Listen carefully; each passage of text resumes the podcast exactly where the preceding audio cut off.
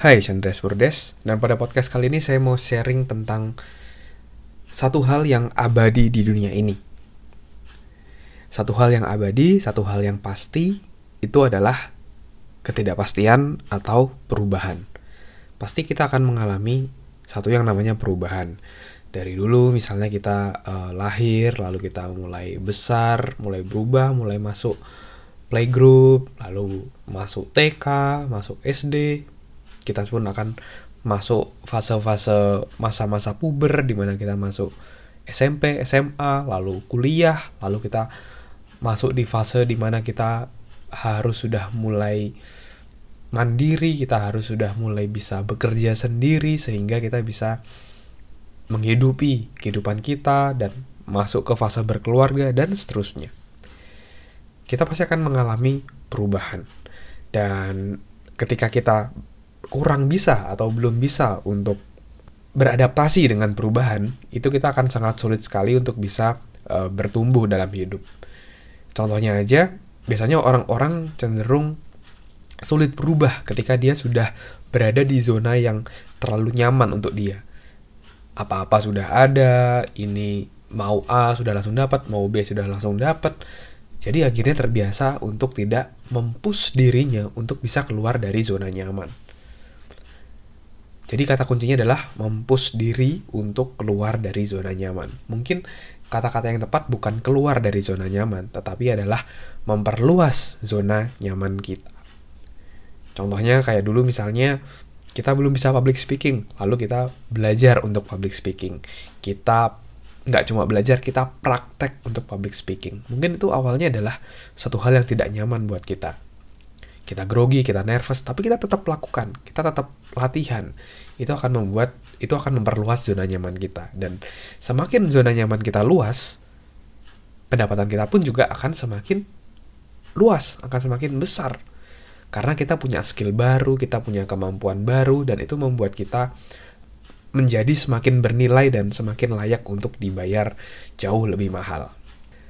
Bahkan di luar negeri itu setahu saya di usia 17 tahun itu anak muda itu sudah harus keluar dari rumah. Dia harus sudah hidup mandiri, ya mulai hidup mandiri sehingga dia terbiasa untuk bisa mandiri dan siap untuk ketika dia nanti masuk ke perkuliahan, dia masuk ke uh, dunia kerja terutama dan akhirnya membangun kehidupan sendiri di luar negeri juga udah seperti itu namun di Indonesia kadang-kadang masih belum ya mungkin budaya atau apa dan ya mungkin salah satu efeknya jadi terlarut dalam zona nyaman dan akhirnya tidak mempus diri untuk bisa memperluas zona nyamannya. Saya pun kali ini sedang memperluas zona nyaman saya di mana saat ini ini hari pertama saya masuk di tempat kerja saya yang baru kayak gitu jadi sebelumnya saya bekerja sebagai seorang konsultan, konsultan HR gitu ya. Saya tinggal di Kelapa Gading, tepatnya di Pegangsaan 2. Itu uh, saya rasa itu hal yang nyaman buat saya. Tapi ya namanya hidup pasti akan ada perubahan dan setelah ada pertimbangan dan diskusi akhirnya saya memutuskan untuk masuk ke sebuah perusahaan untuk menjadi Head of Organizational and People Development di sebuah perusahaan ini. Ketika proses untuk berubah pasti tentu akan challenging kayak gitu ya. Untuk ya kita akan pindah barang, uh, bisa dibayangin ketika saya jual rumah di tahun 2019 itu barang-barang semua ngumpul di kosan saya.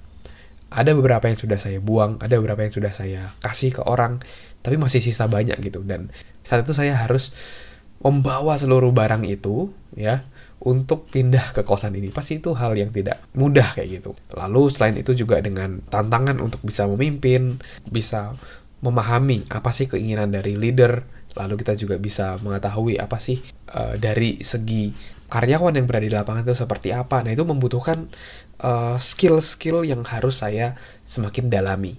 Oke.